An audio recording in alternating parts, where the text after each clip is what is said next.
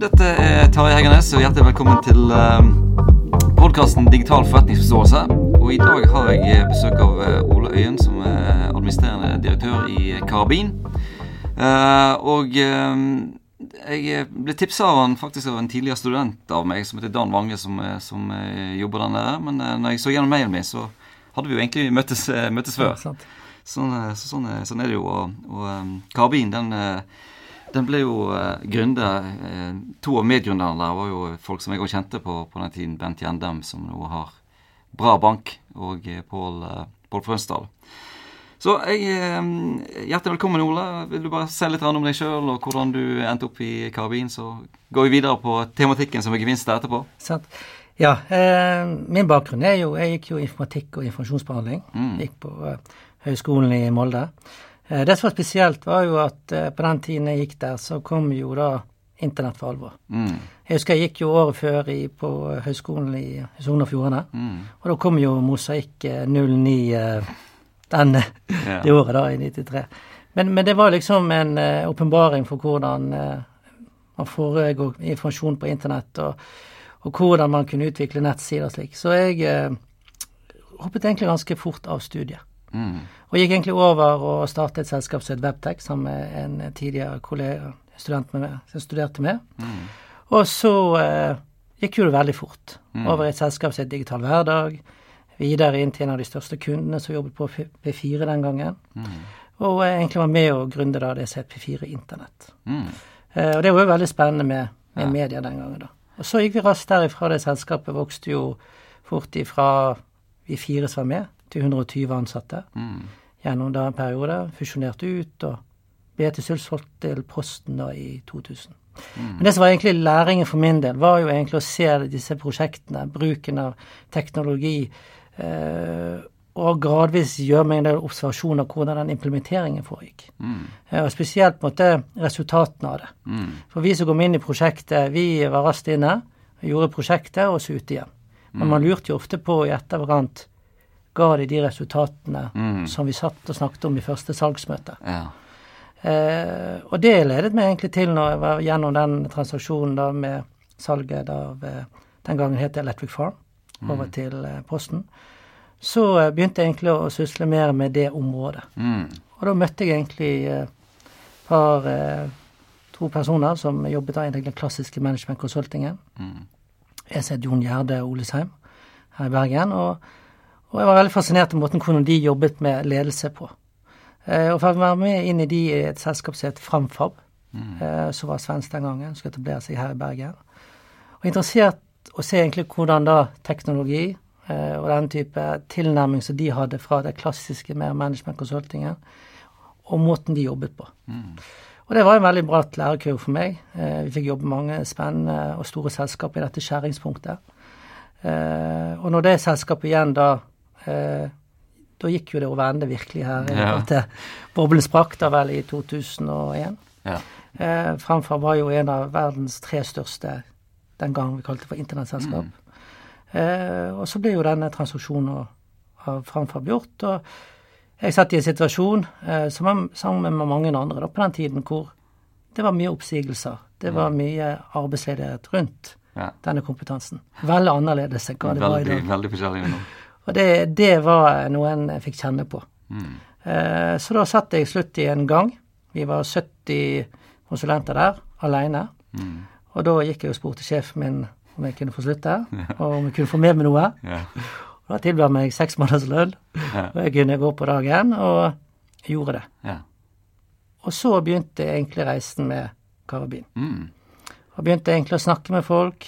Eh, begynte å, å høre hvem kunne være med på dette her. Og da, som du nevnte, da en som het Asle Kjærstad, eh, Bent Gjendem og Pål Frønstad. Mm. Og det som kan du si var, var, vårt felles utgangspunkt, var denne rådgiverrollen. Mm. Hvor vi ofte satt i denne klassiske liksom, skvisen mellom det å være en betrodd rådgiver eh, og det å på en måte kunne definere konseptet. Og så ble jo spørsmålet om løsningen skulle leveres. Skulle selskapet vi representerte representert levere det, eller var det noen konkurrenter av oss som skulle gjøre det? Og den eh, delen lekte vi oss mye med, mm. og fant ut at vi ønsket egentlig et frittstående rådgivningsmiljø. Mm. å være det. Og det var egentlig grunntenkningen rundt karabin, og det ble startet da i, i oktober 2004. Men eh, når du ser frittstående, hva tenker du i forhold til teknologileverandører eller i forhold til andre leverandører? Nei, det var primært Vi kom jo fra en situasjon hvor vi følte at vår jobb var å sysselsette 60-70 utviklere. Ja. Sånn, vi satt på toppen av liksom den klassiske pyramiden, Mm. eh, hvor vi skulle da selge inn et prosjekt, scope det med kunden, Mm. og sikre at dette oppdraget kom inn til den, eh, det selskapet vi representerte. Riktig. Og litt sånn den arkitekten, sant? litt sånn frittstående, kunne stå litt fritt i forhold til å til å helt til hva vi kunne rådgi kunden på, og, og, og oppleve det at kunden skulle alltid vite hva side av bordet vi var på. Mm. Det var klart at de gangene eh, vårt selskap som vi representerte, ikke fikk oppdraget, hvordan opptredde vi da? Var vi liksom forsmådde rådgivere, eller klarte vi å være objektive i den videre prosessen? Mm. Eh, så det var liksom den grunntenkningen som lå til grunne når vi etablerte Karabin. Og vi så jo det også mye av dette som kom fra den management consulting-delen rundt å være tett på ledelsen, det å forstå ledelsen sine utfordringer, det å se opp mot kundene og ned mot eh, de ansatte, den kom liksom mer gradvis som en del av vår utvikling òg, da. Å få lov til å fokusere på akkurat dette området her over tid.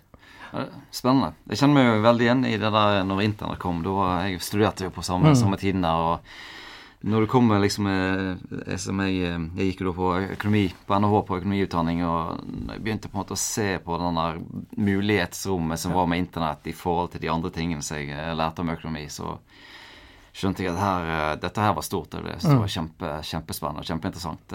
og jeg tenker også litt på de som tenker, de, de som studerer og går ut fra studiet nå. De, må jo, de må jo se enda større område, liksom sånn som vi så ganger gange tusen i forhold til det mulighetsrommet som, eh, som nå finnes der. Men det som jeg syns òg er litt eh, Som jeg har tatt med meg iallfall fra, fra den økonomiutdannelsen, det er jo det at eh, Ja, teknologi er gøy, men hva kan vi bruke det til, og hvordan er det fornuftig å bruke det? Og eh, Grunnen til at jeg eh, eh, inviterte deg, for, det er for at vi skal snakke om rett og, slett, rett og slett om de her gevinstene. Ja. Hva er det vi får igjen for å investere i denne IT, IT eller i digitalisering, som vi, som vi kaller, kaller det for nå, da. Og eh, det der eh, med å få gevinster ut ifra sånne teknologiprosjekter, det har jo vært et sånn nesten et sånn evigvarende problem. Jeg er sikker på at når de fant opp dampkraften, så hadde de sånn ja, okay, ja, jeg skal ha den siste kuleste dampmaskinen, men jeg vet ikke helt hvorfor. Jeg er sikkert den problemstillingen har vært siden dess. og eh, Iallfall siden i 2080 så kom jo en som heter Robert, Robert Solov med en sånn artikkel som eh, sa det at eh, vi kan se teknologien sitt inntog alle andre plasser enn i produktivitetsstatistikken. Sånn, så de, de siste 30-40 årene sånn, så har vi investert i denne datateknologien. Og, og, og ofte så har det vært så mytisk eh, eh, det her med at de her gevinstene du skal få etterpå, at eh, en artikkel fra 97 fra Marcus og Benjamin, de skrev jo om The Magical Bullet of IT Transformation. Så det, det, og det er sånn, De bruker masse sånne varulvanalogier, for det er sånn at de her gevinstene er sånn mytisk vesen, og hvordan skal vi forholde oss til de? Um, men de er jo ikke, det er jo ikke, de er jo ikke et mytisk vesen med, med gevinster. De, de er jo der. Eh, og det er vel gjerne sånn at eh, eh, hvordan, hvordan kan vi finne dette mytiske gevinstvesenet? Hva er det som Hvorfor har det vært så vanskelig? og, og, og hva er det som er liksom gode råd for å, å finne fram? Nei, Jeg tror ikke det. det. Er viktig bare å erkjenne med en gang at det er vanskelig. Mm. Det tror jeg er det første veien. sant? Ja. Fordi at eh, det, Jeg opplever det, og spesielt i Garbin-tiden, og når vi satte fokus på dette, her, er jo det at eh, den forsvarsmekanismen som de fleste har, er å fortelle at dette prosjektet gir ikke gevinster. Mm. Det er det jeg hører flest ganger ofte. Mm. Og, og du kan jo spørre hvem er det som gevinster for hvem? Mm. For det er der jeg opplever at eh, første ryddejobben bunner i den samtalen, når man sier her er det ingen gevinster. Eh, og jeg, og jeg eh, opplever det at, eh, at den eh, modningen da, som ofte må skje i organisasjoner med dette med gevinstbegrepet, den tar tid. Den kan ta år. Eh, og det ser vi også kunder hos oss, som fra de begynner, og vi begynner å ta opp denne tematikken med at hva er et prosjekt for noe? Sant? Er det et tiltak? Er det bare noe vi gjør for å plage organisasjonen, slite oss ut sjøl, slite mm. ut de ansatte? Hvorfor gjør vi disse prioriteringene mm. eh, i dette? Og da syns jeg den at fordi man starter jo alltid sånn som jeg sa innledningsvis, og vi begynte å diskutere, man starter jo alltid med en form for hypotese om at vi må gjøre noe, mm. og det skal bli bedre for noen andres enden. Mm. Eh, og da er, jeg syns jeg det der gevinstbegrepet handler ofte Hva er det ledelsen legger i det? Mm. Hva er det de tenker? Jeg syns det er så rart at uh, utgangspunktet er at det ikke er noe gevinst av et, uh, av et prosjekt. Altså, hvorfor starter du opp et uh, Hvis det ikke skal bli en ja. forandring til det bedre, hvordan, hvorfor setter Hvorfor setter da folk i gang prosjektet? Og alle gjør jo det. Jeg opplever det at i all prosjektmetodikk så er jo det godt Jeg skriver dette målbildet om man skal diskutere slik. Men, men, det er jo litt dette her før man begynner. Og det ligger vårt, vår natur, opplever jeg ofte, at, at ser du en utfordring, så går mm. du rett i tiltak. Mm. Det er sånn vi er. Og jo mm. eldre du blir, jo verre blir det, mm. syns jeg. Og det merker jeg godt på meg sjøl. At at de yngste i Karabin er mye mer systematisk flinkere til å jobbe metodisk for å finne gevinster. For eksempel jeg som jobbet 20 år i Telekom. Jeg kan komme inn, og så tror jeg ser en utfordringen, og jeg mm. vet tiltaket. Mm. Men utfordringen vet jeg ikke er om det er roteårsaken eller symptomet.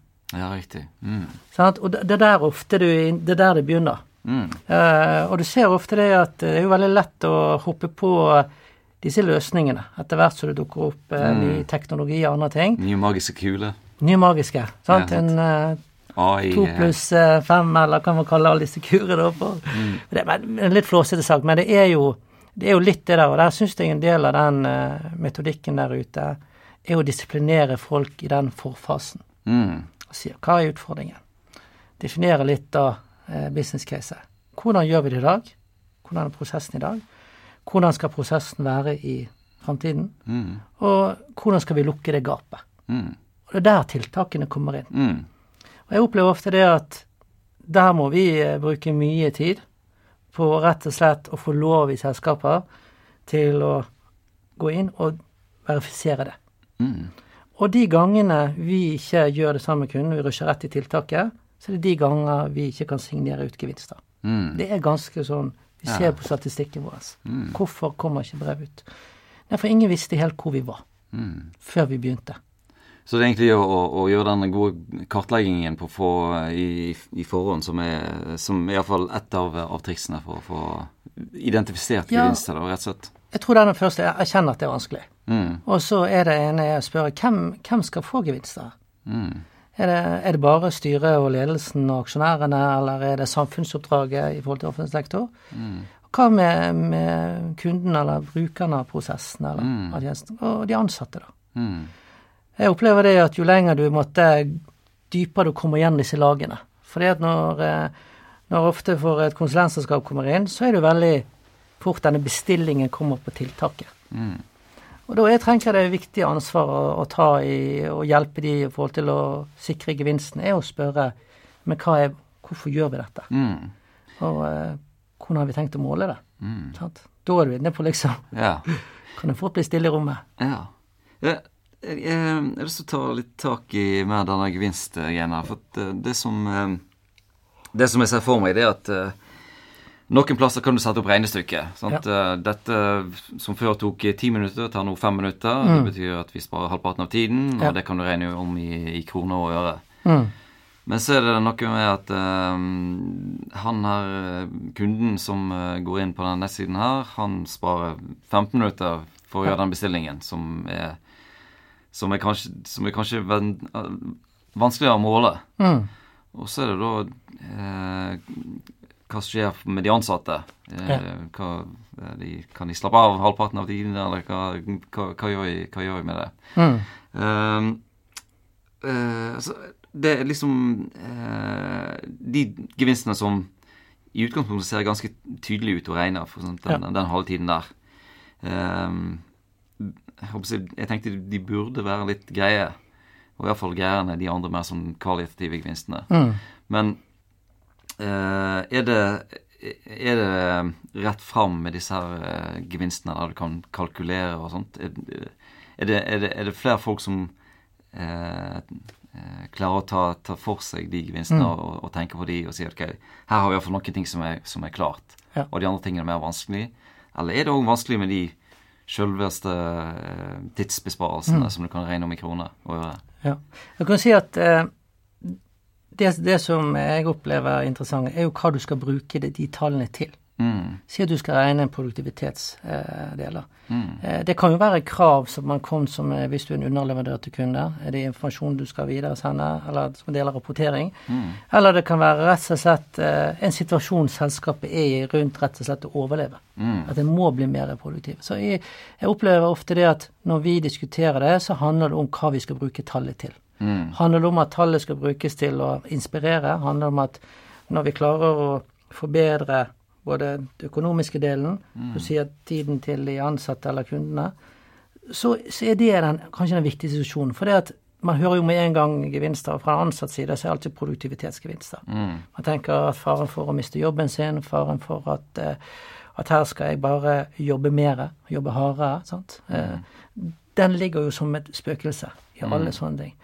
Så jeg opplever det at denne startfasen og akkurat disse diskusjonene som du nå vil tjene, hvis ikke den er gjort grundig, mm. så har du prosjekt som mest sannsynlig ikke vil realisere. For det er jo de ansatte ofte som skal gjennomføre tiltakene som tar ut gevinstene. Mm. Eh, og da må du forstå liksom endringen. sant? Mm. Du kan jo bruke masse, masse, eksempler i det, men vi kan jo ta ett. For eksempel, har du en, uh, har du en peis hjemme? Har du en, eh, ja. Har du det, sant? Ja. Den skal jo feies av og til. Mm, det er sant. Du får, eh, og da får du kanskje som kunde en, en, eh, et brev i posten. Ja, det er sant.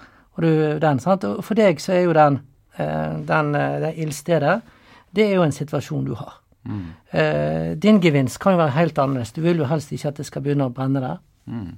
Du vil jo helst sikre at det fungerer bra. Mens han feiesvennen som kommer, han har jo kanskje en litt annen del av det. Og så kan du tenke deg hvordan prosessen rundt det har endret seg. Mm. Og tenke deg i, på 70-tallet, hva var da et ildsted? Sant? Det var kanskje mm. oppvarming. Ja. Ildsted i dag er kanskje blitt bare kos. Ja, det er sant. Du kjøper en sekk ved i, til jul, mm. fyrer den opp, og så kan du tenke deg da et sånt ildsted, da. Eh, hvordan har det forandret seg? Er det forskjell på Jæren, hvor ofte du brenner, kontra mm. i Innlandet, eh, bruken av det?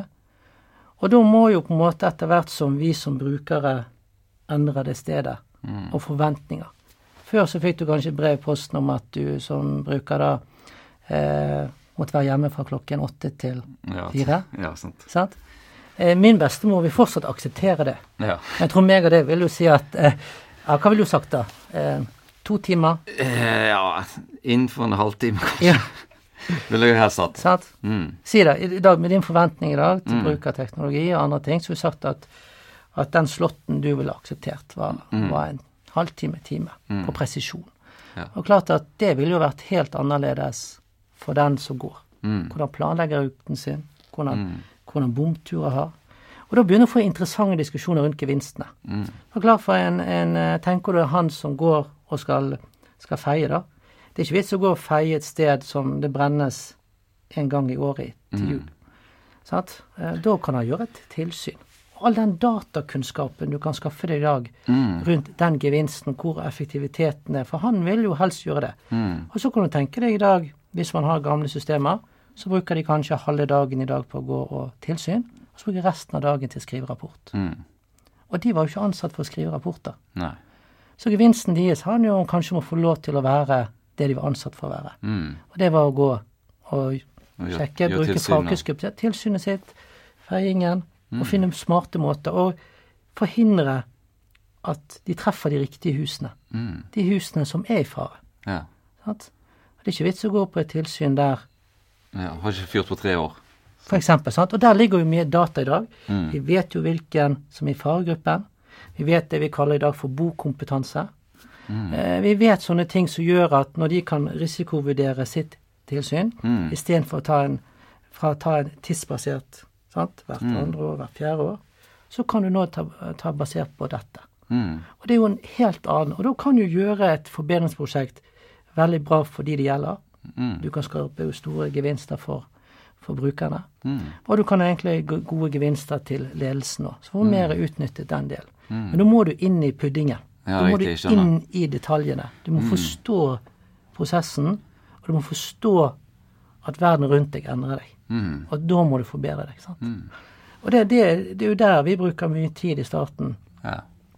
eh, for å få nyttiggjort teorien Mm. eh, i dette. Og da blir forbedringsprosjektene gode. Ja. Da ser jo han som er ute og går at her, er jo, eh, her har jeg dataen, og jeg vet at det er ikke vits å gå sånn og sånn. Og da kan du tenke deg også pålegget nå rundt at uh, vi skal sjekke hyttene. Mm. Kan du tenke deg hvis du har hytte på. Kvamskogen, og du får beskjed om du skal ha tilsyn der uh, mandag eh, eller onsdag mellom klokken 9 og 16. ja, sant. Det går ikke. Det går ikke, sant. Nei. Og der kan teknologien gjøre mye bra. Mm. Sant? Det er rapportskriving sånn at du med en gang får en elektronisk rapport etter tilsynet gjort, med Mm. hvilke tiltak. Du ser jo i dag folk kan hende at de setter fram stien selv til et tilsyn. For da skal man bare inn i huset. Du har rigget og styrt på, for du har ikke fått riktig informasjon. Eller du har ikke lest informasjonen riktig. Mm. Så, så der opplever jeg, når du kommer ned i den delen der, Mm. og lager disse gode hypotesene, Mm. da får du gode tall. Mm. Gode diskusjoner. Du får gode hypoteser sant? Eh, i dette. Og da, da endres hele den delen der. Eh, for jeg har kjent mye på det der å stå ute, snakke sammen med ledelsen og ansatte, og få snakke om gevinster. Mm. Og i industrien så kanskje da tar de på seg hørselvern igjen. Ja. Og andre steder så har de alltid mye møter. De har ikke tid til å det på disse her. sant? Ja. Eh, Men klarer du på en måte å, å ta liksom, løken, du skreller løken helt inn og finner liksom kjernen i dette her, da får du folk med deg. Mm. Eh, Og det tror jeg handler mye om dette her eh, grundigheten i forarbeidet. Ja. Sant? Å komme inn i den, den delen. Og når vi, når vi får til det, og de ansatte ser det, så kan det bli fantastisk gode prosjekter. Og det ser vi gang på gang. At eh, når vi finner liksom disse her eh, viktige gevinstene som, som gjør det For du har jo du har jo dine du skal levere. Ja, ja? Dine studenter. Når du ser at de har en god dag, du ser at de gir deg energi, du ser du skaper entusiasmen, og du har funnet en ny måte å, å framføre budskapet ditt på, så er jo det egentlig det beste. ja. Men hvis du får et pålegg, Mm. sånn skal du gjøre det nå, Terje. Dette er du pålagt, Ja. og ikke skjønner hvorfor. Det er sant. Det, Da blir det krevende. det, det er en del av det òg i, i, i høyskolesektoren òg. Det som jeg, eh, det som jeg tror eh, folk syns er litt sånn eh, utfordrende med det her, det er jo det er kanskje å, å ta denne tiden eh, til å beskrive feieren sin eh, situasjon før og etterpå. Fordi at eh, sånne økonomer som meg, som sitter på Ja. møte og sånt, vi vil ha Excel-regneark, vi. Ja. Og der skal det stå at dette koster det, og dette er det som vi vil spare. Mm. Og hvis det, det går, hvis, det, hvis det går i pluss, så er det greit. Og hva feieren gjør eller ikke, det, det, det, det, kanskje hende at det kan være vanskelig å få det der Ja. til å komme helt, helt riktig inn til, til de som tar de beslutningene der. Og de som du sier, som, som sitter i møter og, og sånne ting. Ja, og det kan jo hende det der, det som du tar opp, var informasjon de trengte tidligere. Mm. Vi har masse gode eksempler på rapporteringer eh, på data som lenger ikke brukes, men det bare opprettholdes. Fordi det ingen stiller, stiller spørsmål hvorfor gjør vi dette. Mm. Og det er så lett, og det er jo Konsulenter er litt sånn som nyansatte. Du kommer inn et, et sted, og da handler det om å spørre hvorfor er det sånn. Mm. Hvorfor, hvorfor, hvorfor. Ja. Ikke vær redd for det. Ja. Og mange nyansatte de gjør jo det. Mm. De er flinke til det, men så stilner de hendene, og ingen, Mm. Ingen bare Ja, men sånn har vi gjort det, og sånn skal vi gjøre det. Og, Det funker jo som noenlunde, så da, Ja. eh, må vi, Da da, må vi, da må vi ha det bra. Eh, jeg, eh, jeg har, sett litt uh, igjennom uh, litt sånn uh, gevinstlitteratur, litt fra DFØ, eh, Direktoratet for økonomi og for Direktoratet for forvaltning av økonomi, eh, og, og Difi, eh, Direktoratet for informasjonsteknologi Jeg glemmer de navnene. Noe sånt. Eh, men jeg ser nå at uh, det er jo uh, mange mm, begrep som de bruker, som f.eks. gevinstansvarlig, gevinsteier, gevinstoversikt og gevinstkart. Og noe som, som, som de bruker, som jeg syns er interessant, det er jo um, gevinstbrev. Um, og det er jo det er et eller annet med, det er med, det er et eller annet med ord. Når du på en måte setter de her tingene inn i, i, i, begreper som på en måte skal brukes, ja. så er det jo lettere å få en bevissthet, eh, bevissthet rundt det. Um, kan, kanskje forklare litt hva det der gevinstbrevet er for noe? Som, jo, i, som, som de bruker? Vi bruker jo det, og det bruker vi uh, i egentlig i disse sammenhengene også for å skape denne her interne, for det handler jo om kultur, i, spesielt i karabiner. Mm. Men vi opplever det også nå hos kundene. Men poenget er det at vi lager jo sammen med kunden denne hypotesen når vi begynner prosjektet. sant? Mm. Vi, har, vi, har, vi, har, forankret det, vi har sagt at det her, var disse tiltakene da, sant? kan være forskjellige typer metodeverk du må bruke. Og eh, det som er spennende, er jo da når, når prosjektet er gjennomført, tiltakene er implementert, er å gå tilbake og få verifisert gikk det sånn som vi planlagt. Mm. Og da har vi ofte det brevet med oss, og så spør vi da om de vil signere på det. Mm. Dette handler jo mest av alt om Vi begynte det som en kultur i Karabin med at måten du kunne liksom få litt ekstra attention og litt ekstra deler, var at dette måtte du kunne dokumentere. Mm. For en konsulent har jo 1700 timer tilgjengelig i året. sant? Mm. Jobber for å kunne det. Og hvis verdien din var bare de 1700 timene, mm. så kunne jo du vært manpower ansatt det. Ja. sant? Poenget er at du har en kunnskap. Eh, det må, kunne må jo se verdi av å ta inn eksterne og tilføre den type kunnskap som vi besitter, mm. for å hjelpe akkurat på det. Mm. Uh, og da har vi sett at det har gitt en veldig stor uh, både anerkjennelse internt og som et læringsmetodikk for oss sjøl. Mm. Og det er veldig kjekt, og man er veldig stolt når man kommer tilbake igjen og gjennomfører et prosjekt og kan mm. dokumentere det sammen med kunden. Mm. Mange kunder liker å ta bilde sammen med brevet, mm. og bruke det også internt for å vise at her er, her er et, et forbedringsprosjekt vi har kjørt. Vi begynte med denne hypotesen mm. sammen med de ansatte. Vi målte ut litt utfordringer rundt kundene. Mm. Og dette traff noen av selskapets overordnede mål. Kjørte det gjennom. Vi målte underveis. Noen tiltak gikk ikke sånn som vi tenkte. Andre mm. tiltak traff bedre enn vi tenkte. Mm. Og det er kanskje like viktig å stoppe de som ikke funker, mm. som å forsterke de som ga virkelig tiltak. sant? Mm. Og denne muligheten, for du har jo alltid en knapphet, da.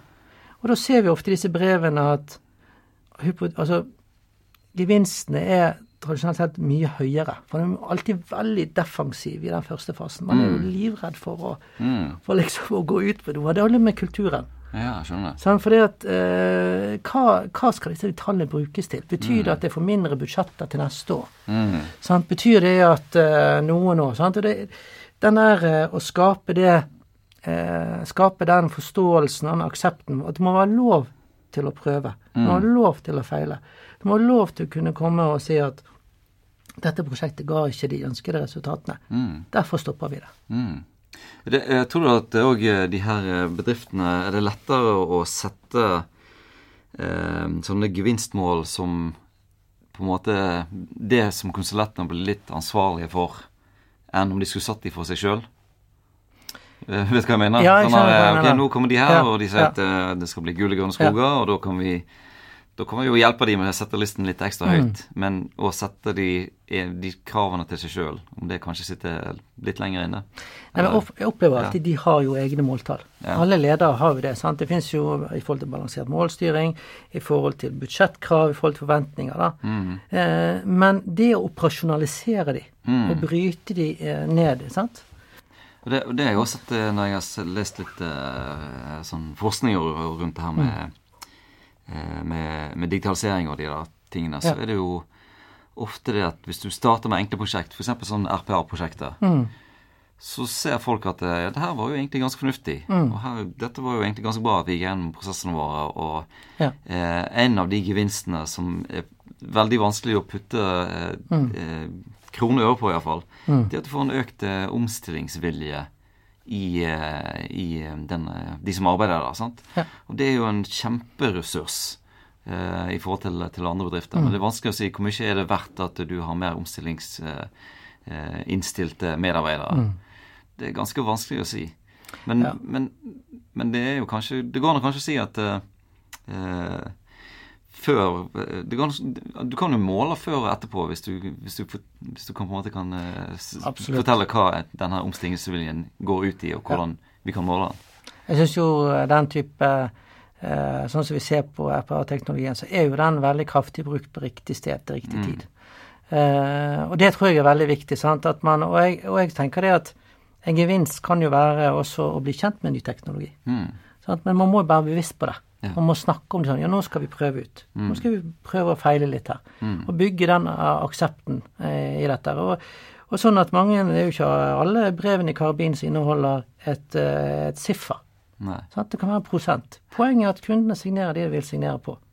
Og vi må jo lære sammen med de, og i vår læring òg så ligger det hele tiden nye opplevelser når vi måler, Mm. og, og, og, og ser den dimensjonen. Jeg, og Der er det viktig å ikke være for religiøs metodisk. Jeg opplever det at det viktigste er, er at man har et tør å si noe hvor man var. Om det er bare et tall som de ansatte har blitt enige om, så er det uansett det beste tallet vi har. Mm. Og si hvor vi skal. Og tørre å stille seg noen sjekkpunkt underveis. Ja. Um, det tenker jeg det. Ja. Jeg, eh, det, er, det var en modell som jeg eh, fikk sett eh, hos deg, som, mm. der du har en sånn eh, Det her med interessenter i forhold til gevinster, det, Ja. det på en måte har jo vært gjennomsyrer litt eh, Ja. det som vi har snakket fram til nå. Det, hvem er det som skal ha de ulike Hvor, hvor går de ulike gevinstene? Og Mm. den modellen Jeg vet ikke om det er gjort med vilje eller ikke, men der har du først ansatte, og så kunder, og så ledelse, og kanskje eiere, og så på en måte samfunnet. At du har på en måte fire nivåer av gevinster der. Ja. Og er tanken at eh, det er lurt å begynne med de ansatte først, eller skal du, eller bør du? For at det, I utgangspunktet så tenker jo mange sånne økonomer og sånt, som, mm. som jeg kanskje, at det, det er jo på en måte bunnlinjen der. Det er første pri, og så kommer de andre tingene litt i, Ja. i, i andre rekke. Men Hva, hvordan, hva, hva tenkte dere liksom å, med å lage den modellen på den måten? Vi, vi begynte jo Den klassiske bestillingen da rundt støtte, rundt forbedring, går jo at ledelsen kontakter oss? Mm. eh, i dette. her. Og det, og det vi lærte veldig fort, at det de hadde som eh, mål med sitt prosjekt, Mm. eller å gjøre dette her, handler jo om sin strategi. Mm. Og så vårt spørsmål er at eh, fra vårt perspektiv så skal vi fasilitere en prosess. Mm. I, i, når vi jobber med forbedring av industrien, klassiske produksjonsbedrifter, så kan ikke vi gå inn og si til deg nå, nå skal du sveise sånn, eller sveise fortere, eller hva du skal gjøre. Vi må i en måte se eh, på prosessen sammen med de ansatte. Eh, og da drillet vi veldig fort ned i dette her. Ja, ok, dere skal ut dette. Topp, bunnlinje, kapitalbinding. Mm. Dere har deres mål. Men eh, det er jo noen kunder her. Mm. Så eh, hva skal de få ut av dette? Har dere, har dere måttet en tenkning rundt det? Så, så ble jo det, kom det en diskusjon, det ble, var litt tynt. Og når vi spurte de ansatte, så er det ganske stille i rommet. Ja, sant. Eh, fordi at skal du lykkes eh, i dette her, og det er å drille ned i dette her Og vi vil aldri sette i gang et prosjekt hvis ikke vi har de ansatte med oss. Mm. Fordi at det er jo tross alt de, og dette her med kontinuerlig forbedring er jo ikke et prosjekt. Mm. Det er jo en livsstil. Ja. Dette er noe du skal gjøre kontinuerlig. Du skal hele tiden se på nye områder, du skal jobbe med det. Og, i, i, og jeg tror det at helt klart skal et selskap overleve over tid, Mm. så må du ha to gode bein. Du må være god til å produsere, og så være god til å forbedre. Ja. Forbedre handler jo også om å innovere, Mm. optimalisere og eliminere. Mm. Du må være god på hva skal du gjøre av nye ting. Mm. Du må være god på å optimalisere det du har. Og så må du faktisk være god på å innse hva du skal slutte med òg. Ja. Det er den klassiske at du- jobben består av to ting. Det er selve jobben, og så er det forbedre jobben. Ja. Det, Skal du framover, ja. så må du så, så må du kunne begge to. begge to. Eh, og der er jo litt sånn klassisk så er at eh, produksjon, uansett om det er saksbehandling eller produkt, så er det en kjempemuskel. Mm. Mens forbedringsmuskelen, den er ganske slim, altså. Den må, den må trenes litt. Ekstra. den må trenes ekstra, sant. Og, eh, og da er jo det veldig kjekt å kunne hele tiden ha parametere du skal jobbe med, som du prioriterer og vet hva du skal hele, hele tiden eh, fokusere på. Og hele tiden ha et våkent øye rundt hva teknologien kan gi deg. Men den skal jo helst gi noe til alle. Ja. Skal gjøre hverdagen bedre, for noe som jeg sa med, med Feie-Sven. Mm. At han da kan istedenfor å bruke halve dagen sin på å skrive rapport, så kan han gå med iPaden sin. Han har gått derifra tilsynet, trykke send. Du går inn inn til systemet, du går en kopi til kunden. Eh, kunden opplever sånn som vi snakket om her, med at eh, jeg får jo Jeg kan være hjemme akkurat den tidsslåtten det er. Mm. Jeg, eh, jeg, opplever at jeg, jeg, kan være trygg på stedet mitt. sant? Mm. Og ledelsen ser at de kravene de blir pålagt til å ha effektiviteten og gjøre det, gjør at de kan rapportere gode tall og, mm. og oppnå de påleggene de har. sant? Jeg, jeg, tror vi må begynne å avslutte, men mm. jeg, jeg, jeg, tror kunne sikkert, vi kunne snakket sikkert i timevis om det her, for det er veldig interessant. Veldig interessant eh, problemstilling. Og det er jo sånn veldig sentralt med at eh, hvorfor gjør vi dette her, og hva, vi, hva vi vil skal, skal skje. Ja da. Så eh, hvis vi, hvis vi skal prøve å, å, å, lande på et eller annet her, så mm.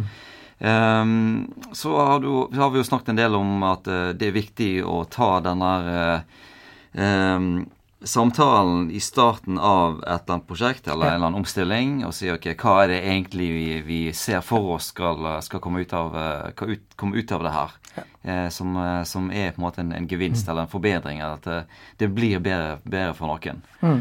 Eh, og så eh, har vi òg vært inne på de her ulike interessentgruppene. Sant? Mm. For det kan være hva, hva, er, hva, hva, blir bedre for de ansatte, hva blir bedre for kundene? Mm hvordan gir det her seg i, eh, utslag på bunnlinjen eventuelt? Og til slutt, uh, som vi ikke har vært inne på, hvordan uh, påvirker dette samfunnet? Ja. Sånn, for det, nå er det jo uh, tar på det, sant? Og det, det, og det, er jo kanskje det som er mest spennende for tiden. Det er jo mm. sånn som bærekraftsmålet. Ja. FN sine bærekraftsmål. Mm. Og klart at det er jo Jeg vil si at det, det er noe man må nå. Mm. Man må på en måte klare å knytte det. Og mm. jeg tenker alle selskaper framover nå må måtte klare å synliggjøre mm. effekter på det òg. Ja. Eh, nå er det litt sånn normativt. Mm. Vi forventer som, eh, som kunder og forbrukere at samfunnet tar tak i, men det kommer jo også en, mm. helt klart en regulering på å sikre det. Ja, det blir jo ikke en sånn eh, Uh, ja, god, nesten godkjenningsordning på, ja. på, hvor, hvor, masse bidrar det her til uh, de FN sine bærekraftsmål. Så her er det bare å komme i gang. Ja. Men jeg syns det at det, det, gir et godt uh, De fire elementene i forhold til å planlegge litt, og så vi heller ikke fått snakket noe om hvordan skal du gå fram for å dokumentere det her underveis. men det er jo Når du først har fått satt de ned i starten, så er det jo på en måte lettere å følge de opp mm. enn hvis du ikke vet noe i starten. Klart det. Mm. Det er det er her å begynne i starten. sant? Mm. Eh, sånn som vi har snakket veldig mye om starten. Men gjør du starten riktig, mm. så er det i hvert fall høyere sannsynlighet for å kunne måle ut etterpå. Det er så mm. lett, og, i hvert fall lettere å kunne se tilbake igjen mm. og se hva du har. Ja. Så er selvfølgelig det et vanskelig fag, den selve realiseringsfasen. Mm. Men eh, hvis du ikke vet hva du skal realisere opp mot, så blir det enda vanskeligere. Og det er de som ikke får erfaring til at utbildningsnivå klarer å dokumentere. Da vil jeg si tusen hjertelig takk til deg, eh, Ola, for at du tok eh, tid til å prate med meg. Eh, og tusen takk til de som hørte på.